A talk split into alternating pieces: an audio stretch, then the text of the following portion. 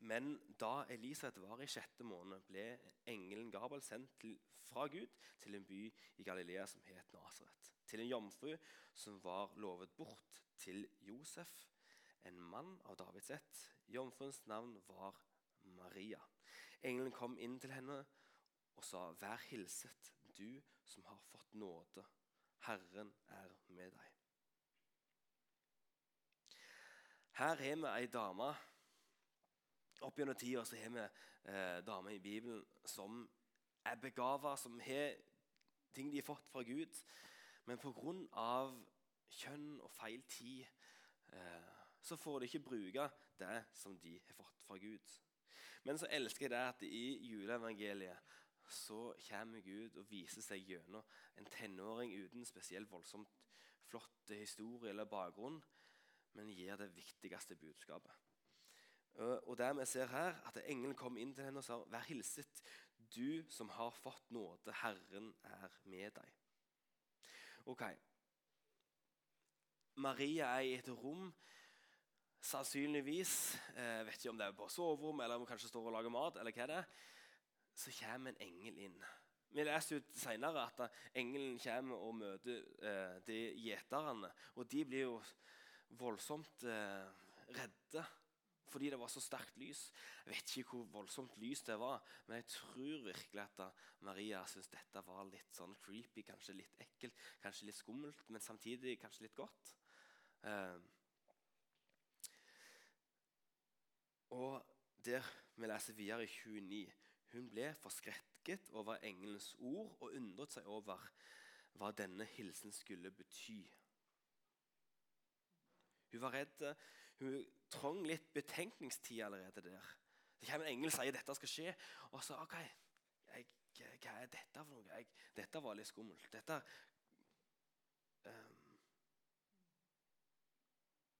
Hun trang litt tid for å tenke på hva som skjedde. Men engelen sa til henne, 'Frykt ikke, Maria, for du har funnet nåde hos Gud. Frykt ikke er en sånn sentrale ting egentlig gjennom hele. Hvis du leser Lukas N, så er det frykt ikke til Zikaria, frykt ikke til, til, mange ledd. For jeg tror nok det var litt skummelt. Jeg tror nok de kjente at dette var litt voldsomt. 31. Hør, du skal bli med barn og føde en sønn, og du skal gi ham navnet Jesus. Han skal være stor og kalles den høyeste sønn, og Herren Gud skal gi ham hans fars Davids trone. Han skal være konge over Jakobs hus til evig tid. Det skal ikke være ende på hans kongedømme. Oi, oi, oi. Du er 13-16 år og får dette slengt i trynet eh, at det er himmelens konge og frelseren skal komme og bo i deg og, og, og fødes og skapes inni i deg.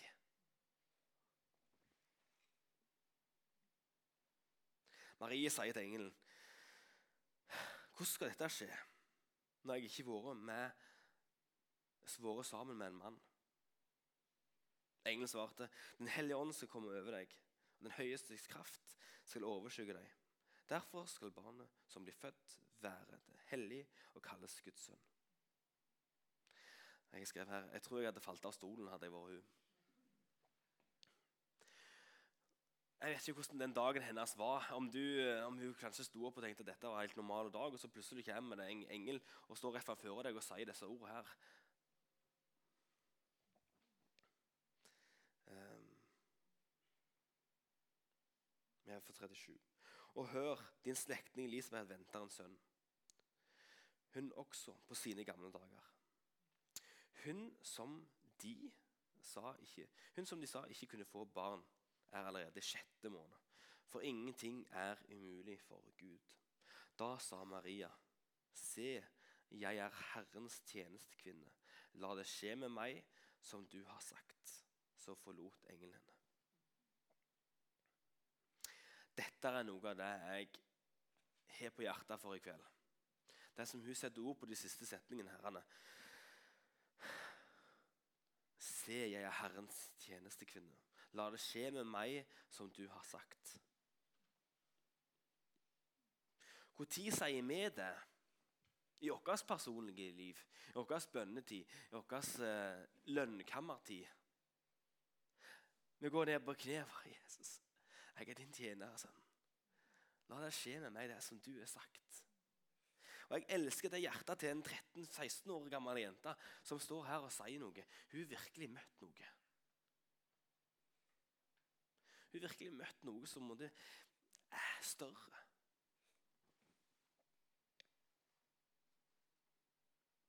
Det tror jeg vi òg har gjort.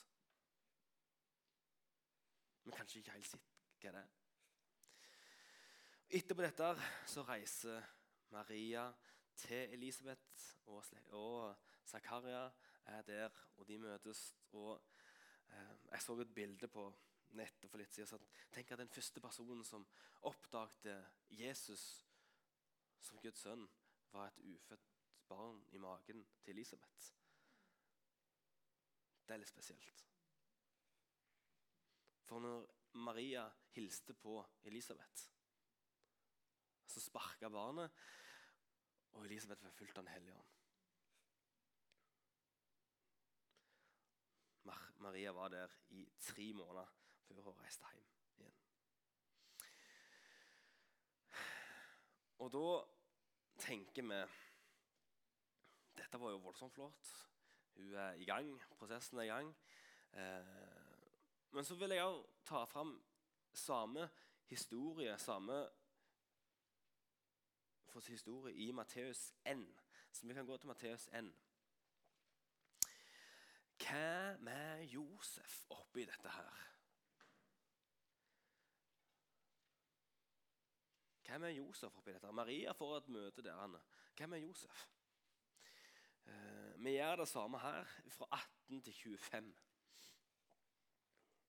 Vi leser.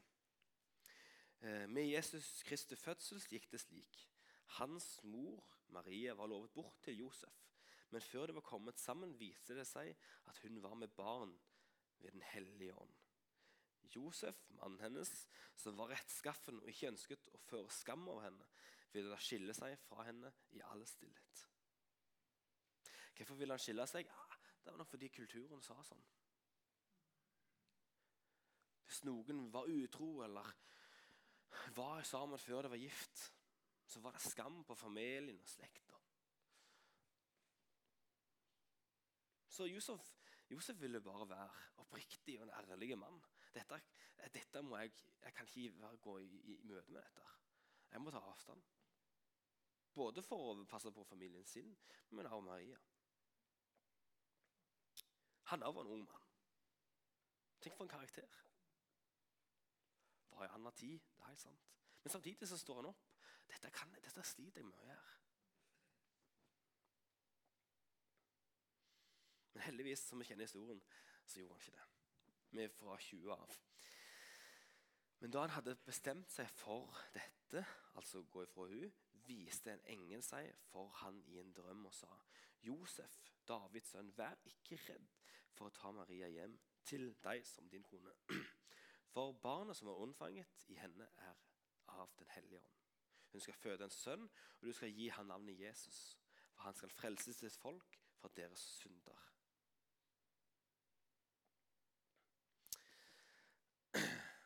Jeg tror dette var et viktig, eh, viktig knep eller viktig ting for Gud å gjøre. Å rett og slett sende. Og så Josef ble med på laget, så han forsto hva greia var. Eh, og Jeg tenker litt på den tanken.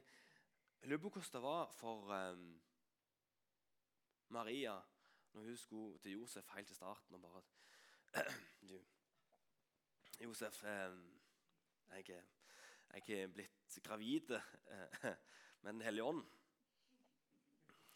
Ehm, jeg lurer på hvordan den spenningen var i det, det rommet der. Med alle de tradisjonene, alle de kultursperrene som var, og reglene. Kan tro Var han sint? Jeg vet ikke. Men jeg tror nok det var noe som var utfordrende der. Vi ser Josef at han kjente at dette var vanskelig for ham. Ehm, og jeg tror når han blir møtt i den drømmen. Jeg tror kanskje han kjente på en lettelse. Samtidig så han kjente det var litt skummelt. For han måtte jo stå opp for det som han fikk. det som han opplevde Gud talte. Vi leser fra 22 av. Alt dette skjedde for at ordet skulle oppfylles som Herren har talt gjennom profetene. Se, jomfruen skal bli med barn og føde en sønn, og de skal, kalle han, eh, og de skal gi han navnet Immanuel. Det betyr Gud med oss. Da Josef våknet fra søvnen, gjorde han som Herren engel hadde pålatt ham. Og tok henne hjem til seg og sin kone, og levde ikke med henne før hun hadde født sin sønn. Og han ga han navnet Jesus. Jeg ser to stykk som er så forbilledlige her. Her opplever Josef å være i en drøm der Gud møter han, eller en hellig ånd eller engel ja, møter han i en drøm og gir han dette. Og han våkner, og så går han på det. Kan tro så mange som stoppet opp og sa Hva er det du holder på med, Josef? Hva du gjør for noe? Du skal ikke gjøre det. Du skal ikke være med henne. Har dere vært sammen før dere var gift? Jeg tror av og til, hvis vi skal ta med den settingen her inn i vårt liv Hvis vi som kristne går på noe som vi opplever vi har fått fra Gud, som kanskje er annerledes enn de rammene og de vanlige tingene som vi er vant med å gjøre Så vil vi høre Johan, hvorfor gjør du det? Du trenger ikke gjøre det. Og så så tror jeg kanskje det kan være mest pass fra de som er våre brødre og søstre i dette. Du sa jeg trenger ikke gjøre det. Slapp av litt. Jeg trenger ikke gå all in. Her har vi et bilde på en mann etter Guds hjerte, tror jeg. Josef som reiser seg opp for det han har opplevd og erfart av Gud, som tar imot ikke forloveden sin og går den vandringen i dag. Dette gir meg Det inspirerer meg til et liv i etterfølgelse av Jesus. Til å ta imot det som han gir, og gå på det. Jeg måtte bare ha med det i Jesaja 9,6. For et barn er oss født, en sønn er oss gitt. Herrevelde er lagt på hans skuldre. Han har fått navnet underfull rådgiver. Veldig Gud, evig far og fredsfyrste. Hm. Tenk den gaven som Maria fikk. Jeg tror, tror ikke helt hun visste omfanget av den gaven med en gang hun sto der. Men at hun gikk på det som Gud viste henne der, har gjort vanvittige konsekvenser for alt her. Jeg syns det er litt sprøtt.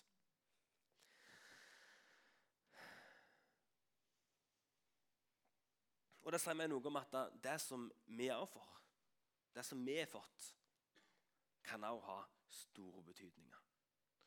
Utføre de rammene og de veggene som vi er rundt. Um, det ble snakket om en skitten stall. Um, jeg må bare ha med det. Jeg, Jesus ble født i en skitten stall. Gud, himmelsk konge. Sannsynligvis lukta det litt hevd og litt drit. Uh, og kanskje det er et ord til noen her. At vi tenker at vi må være så flotte og ha våre fasade og ha vårt liv i orden før Gud kan komme og gripe inn. Men Gud griper inn der det er mørkest, der det er vondest, der det er skitnest. Jeg syns det taler mye om um, hvem Jesus er. Hm. Ok. Gaven som forandrer. Maria får en gave som virkelig forandrer hennes situasjon eh, i lag med Josef. Eh, og Gjennom Bibelen så ser vi mange som får gaver fra Gud. Eh, stort sett så leser vi ofte om nådegaver. Når vi søker om måte, gaver i Bibelen, så er det nådegaver som blir snakket om. Men når vi ser Jesus gå rundt og møte folk, så gir han mange forskjellige. Ta Sakkeus. Han blir møtt for en gave.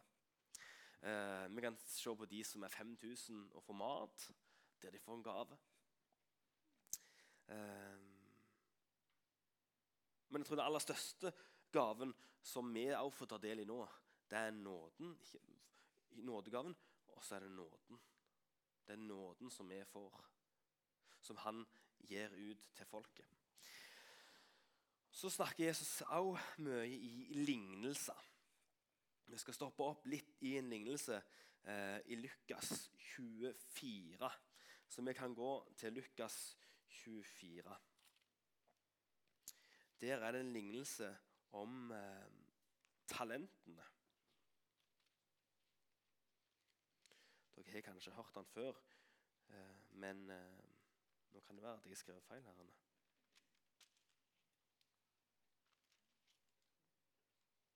Jeg tror jeg skrev feil her.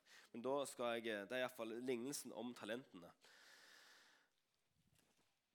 Da er det sannsynligvis en annen plass det ikke Lukas. Uansett. Jeg skulle ikke lese det uansett, men jeg skal fortelle det. Lignelsen om talentene. Det er en rik mann eh, som skal reise ut på om han det var jobbreise eller hva det var. Han hadde tre tjenere som han skulle gi sin eh, formue til når han var vekke. Han ene tjeneren han fikk fem talenter. Han andre fikk to talenter, og han siste fikk én talent. Og en talent tilsvarer ca. 6000 dagslønner. Så den på fem talenter fikk 61 mill. ish i vårt nåtidsregnestykke. 61 millioner. Han andre fikk 24,4 millioner. Og han siste med én talent fikk 12,2 millioner. I forhold til verdi, da. Som er ganske vilt. Jeg fikk litt drag å si når jeg så det. Um, og her får de disse her, um, kanskje litt shaky i hendene sine. Uh, men der vi ser, at den med fem talent reiser ut, driver handel med det, og ser at den får fem talenter ekstra. Nå står han med ti talent. Han andre, han som fikk to, han gjør ut og gjør akkurat det samme. Driver handel og får to talenter til, så han får fire.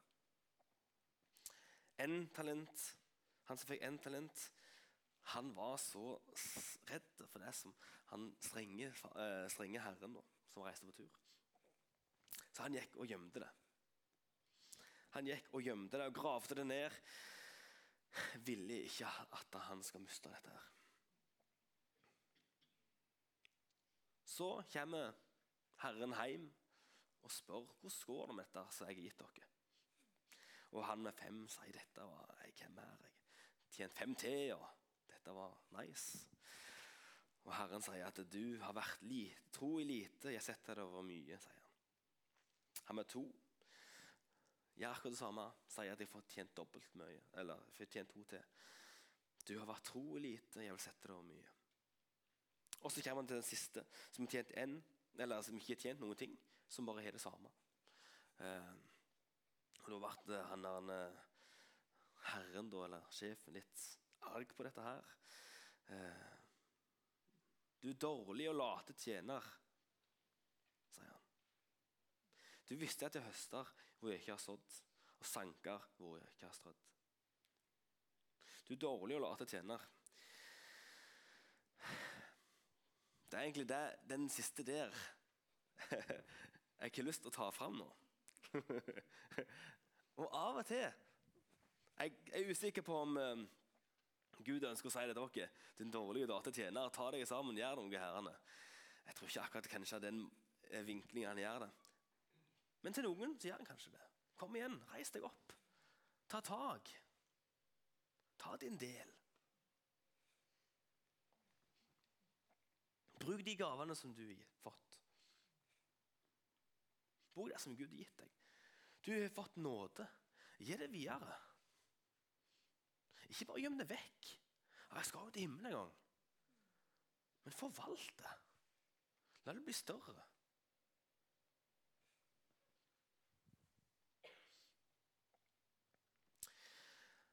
Sånn som Maria fikk gaven, en helt spesiell gave som forandret henne. På samme måte tror jeg vi har fått gaver som kan forandre folk. Hvis ikke vårt liv ser annerledes ut etter vi har fått en gave fra Gud, har vi egentlig åpna gaven da?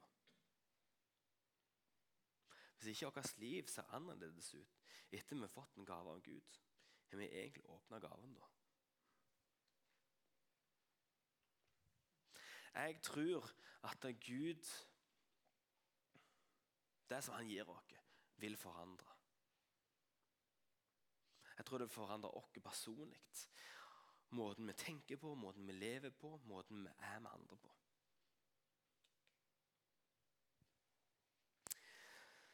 Så jeg håper at denne jula her ikke bare blir jul det vi bare pløyer gjennom som vi har gjort. Vi stopper opp og leser det juleevangeliet, men virkelig tar det til oss. Hva har jeg fått? Hva kom Jesus på jorda med? Hm. Jeg har bare sett ord på noe her. Hva kan være gaver fra Gud? Jeg tror gaver fra Gud kan være egenskaper som vi har fått. Eh, kunnskap, gjestfrihet, medmenneskelighet, kunnskapen til teknologi, musikk, formidle, kunst, drama, design. Gaver til å drømme, til visjon.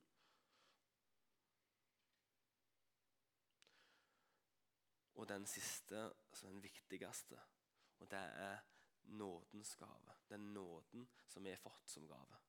Der Jesus tar bolig og bor i oss. Nå Jeg tror at når vi får en gave av Gud, så vil det forandre oss. Nå skal vi ha opp to personer. Vi starter med den ene.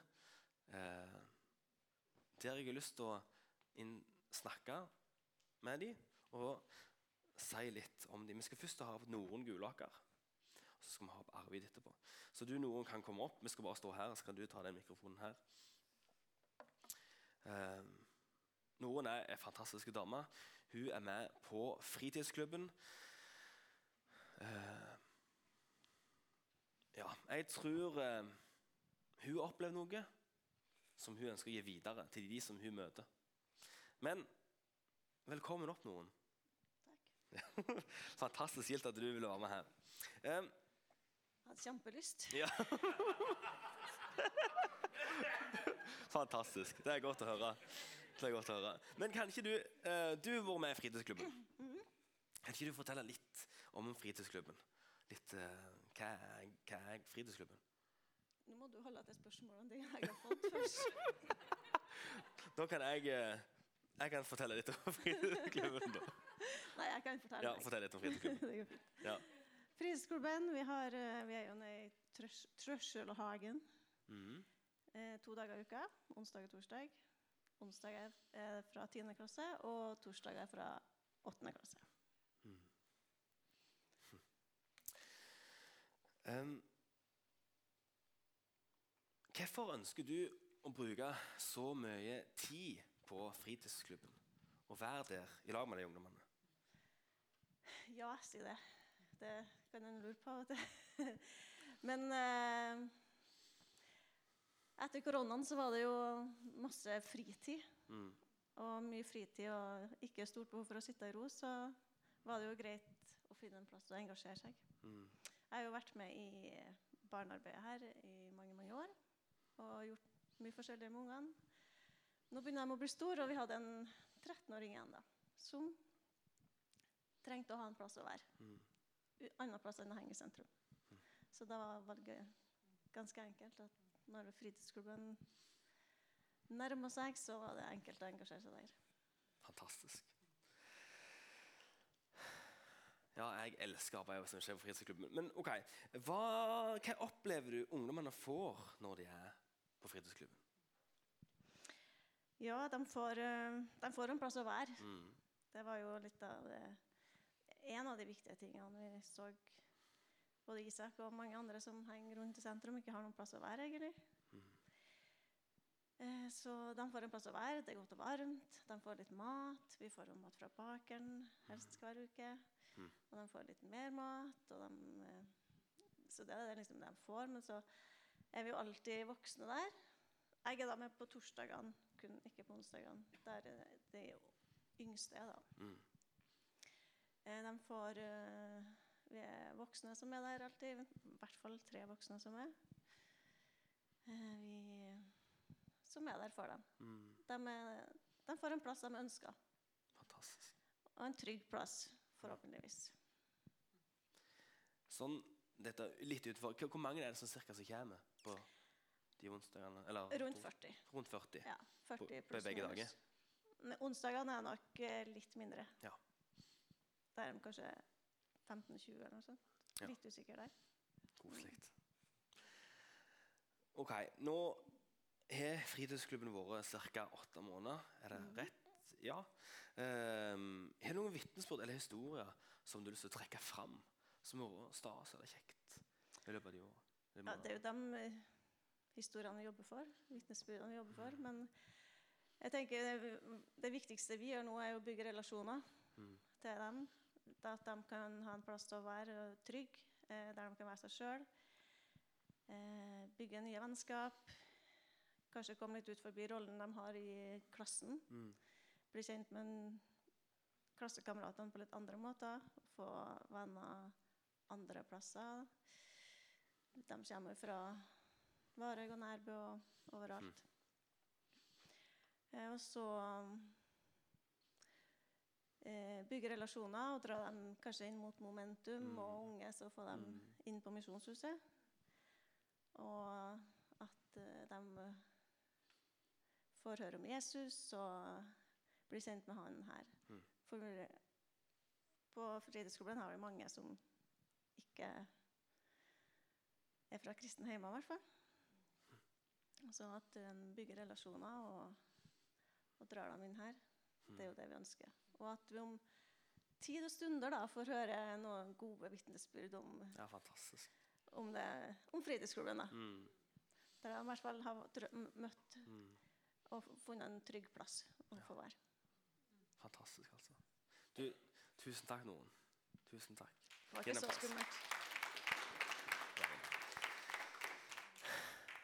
Jeg eh, syns det er fantastisk å høre om fritidsklubben og det de gjør. Eh, jeg tror det ligger mange historier der. Og jeg tror også vi kommer til å høre mange historier senere i tida. Om 10-15 år, kanskje. Hvor viktig det arbeidet der var. Utrolig fint. Eh, ok, Da kan Arvid eh, få lov til å komme opp og entre scenen. Så eh, velkommen opp, Arvid. Jeg er så heldig å få lov til å arbeide med Arvid, så jeg, eh, jeg er med her hver dag og får eh, Ja, det er gildt. um, har du lyst til å fortelle litt uh, om uh, Hjertet for Vigestad? Det har du på, da. Det har jeg på, ja. For det første så vil jeg si det at jeg føler av og til jeg får for mye oppmerksomhet. Det er ikke Jeg sier som- at jeg det er vet ikke liker som skal ha det. Johan mener noe annet. Men eh, eh, at jeg har vært den som promoterte det. Men jeg tok en oppsummering i dag, og vi to fra Ogna, 18 fra Vigrest, som er på en eller annen, års- en eller annen grunn. Med 6 på Varhaug og 14 på Nærbø. Det blir 40 mennesker, og omtrent halvparten av dem er med hver uke. Noen er hver 14. dag, og noen få også er med hver uke. Det liksom det er viktig å si. Jeg satte dere i ro. Og så, for det, at det, det er litt at, at Men at noen må promotere det og si noe hvordan det her er. Men det er fantastisk kjekt. Og Mm. per i dag så så leverer vi til 54 hjemme hver uke. Og det er altså 148 mennesker som får mat hver uke. Kommer hjem til hjemme det er noen små unger på 3, 4, 5, 6, 7 år. Nå kommer de. Hmm. Hva er det i dag for noe? Er det brus? Er det ris? Hva er det for noe? Hmm. Og de har forventninger. Og vi opplever at det er bare så kjekt å få være til velsignelse der vi kommer. Vi har tenkt at å ha som motto der med vennlighet og glede. Vi skal ikke komme med fordømmelse. Vi kommer ikke til å si at du skal du ha mat. De som vi har snakket med, vi har en betingelse for å få mat. De skal være hjemme mellom fem og seks på onsdagene. For Vi kan ikke se maten på døra, og så er det katter og hunder som river med maten. sånt. Den betingelsen. Ellers så får de det av godhet. Så tenker vi det at og jeg har sånn, tenkt meg hva er det som driver med, hva er det som gjør det der? Og så har jeg tenkt og, og bedt lenge. Og, og, og nei, da vi begynte for godt to år siden, så var det liksom den tanken som jeg skrev i avisa for sånn Jærblad, at en dame så som henta pant i søpla. Men samtidig så er det vært noe som står i Matteus 25. Der står at uh, Det er et flott kapittel. Der, det står prikk, prikk, og står der Det du gjort mot, mine minste, mot en av de minste små, har du gjort mot meg. Det Jesus sier om at det er en som var fattig, den som ikke hadde mat, den som var i fengsel, den som ikke hadde noen ting. Og så det som vi gjør mot en av de minste små. Vi er folk som er kristne, som får mat av oss. Og vitnesbyrdet derfor jeg ber for dere som kommer med mat. Og så er det andre som har opplevd helbredelse. Ikke si er jeg som har bedt om helbredelse, men jeg har sagt til dem vi skal be for deg. Og så er det folk som vil helbrede for kreft. Så vitnesbyrd er der, og der skjer masse rundt dere. Så det er bare spennende. Fantastisk. Ehm, nå tok du jo mange av disse spørsmålene, her, men Unnskyld. det går helt fint. Men jeg spør fortsatt hvorfor ønsker du å bruke så mye av de tid og krefter på å være med å drive Hjertet Fryestad?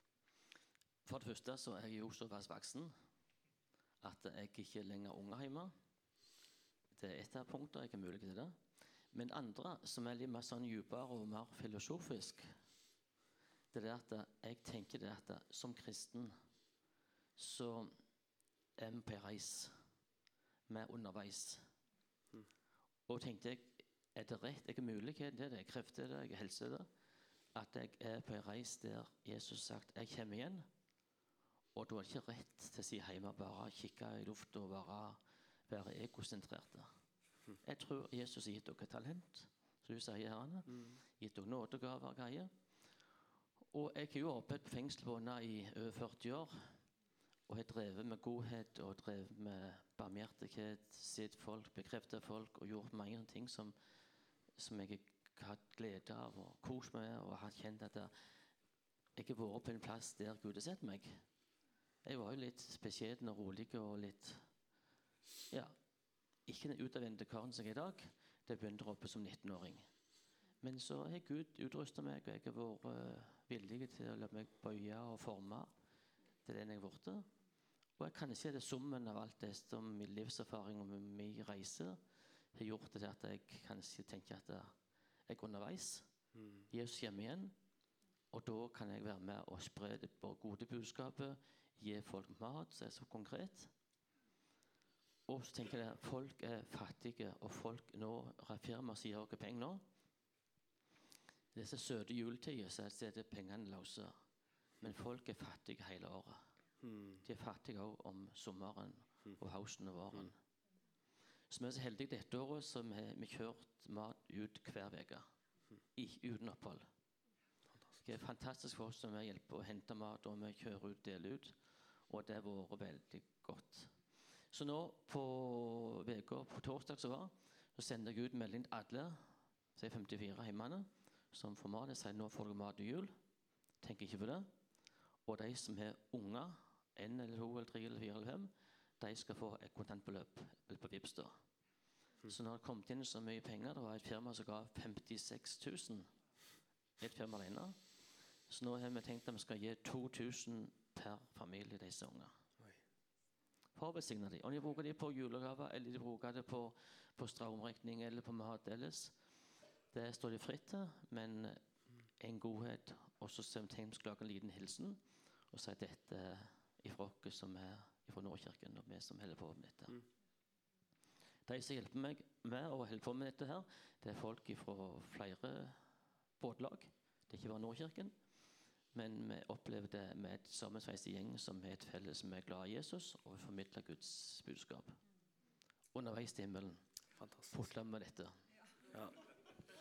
Jeg er veldig fornøyd, Arvid. Tusen takk for det du deler.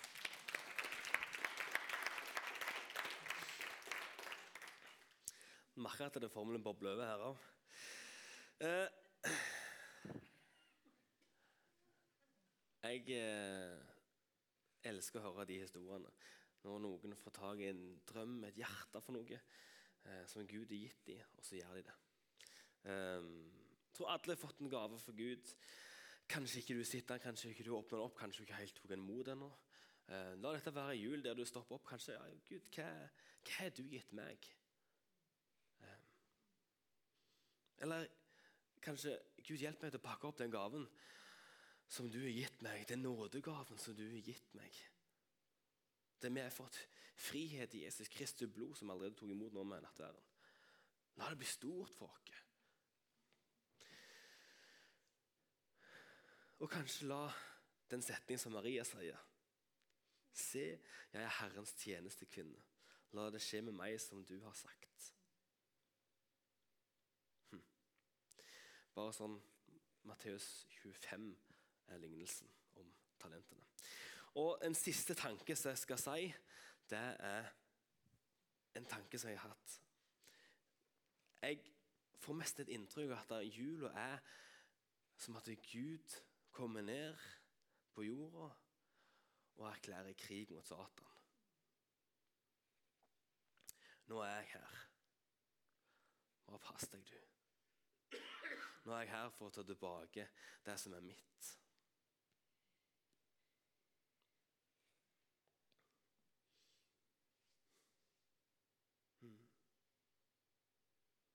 Og gjerne hør på 'Mary Did You Know'. Den er spilt på repeat i mine siste. Visste du, visste du egentlig hva som var der? Ja. Jeg eh, tror det var det jeg kjente på. Forbund bak der er det noe du ønsker at noen skal forløse eller be inn i. Um, er det noe du kjenner på og du vil dele? Som noe var godt for deg, eller noe du står i? Mm. Ja, jeg ber. Gode Jesus, takk for at du er en god far, og du gir gode gaver, Jesus. Hjelp oss i lag med deg og i lag med Den hellige ånd til å pakke opp den gaven som du har gitt dere, far. La den bli stor oss, la den bli stor i vårt hjerte. Hmm. Vi vil ha tak i deg, vi vil ha tak i det som du har gitt dere. Og Hjelp oss ikke til å la dette budskapet om, om det som skjedde med Maria, og den vandringen som de måtte gå La meg grunne på det, akkurat sånn som Maria sa. Vi grunner på det i deres hjerte. Vi til å ta til det som du, ta tak i det som du gir oss her. I denne tida her, far. Vi retter blikket på deg. Du som er konge som steg ned, og du som erklærer krig, far. Derfor du er seiersherren som vinner og knuser Satan. Jesus, vi tror på deg, og vi lener oss til deg, Jesus. Så Hellige Ånd, nå sitter kanskje folk her og tenker hva gaver har jeg fått? Åpenbar det for dem. Åpenbar det for dem, far. Gjennom lovsang, gjennom samtale, far. Hjelp oss til å se gavene så enkelte.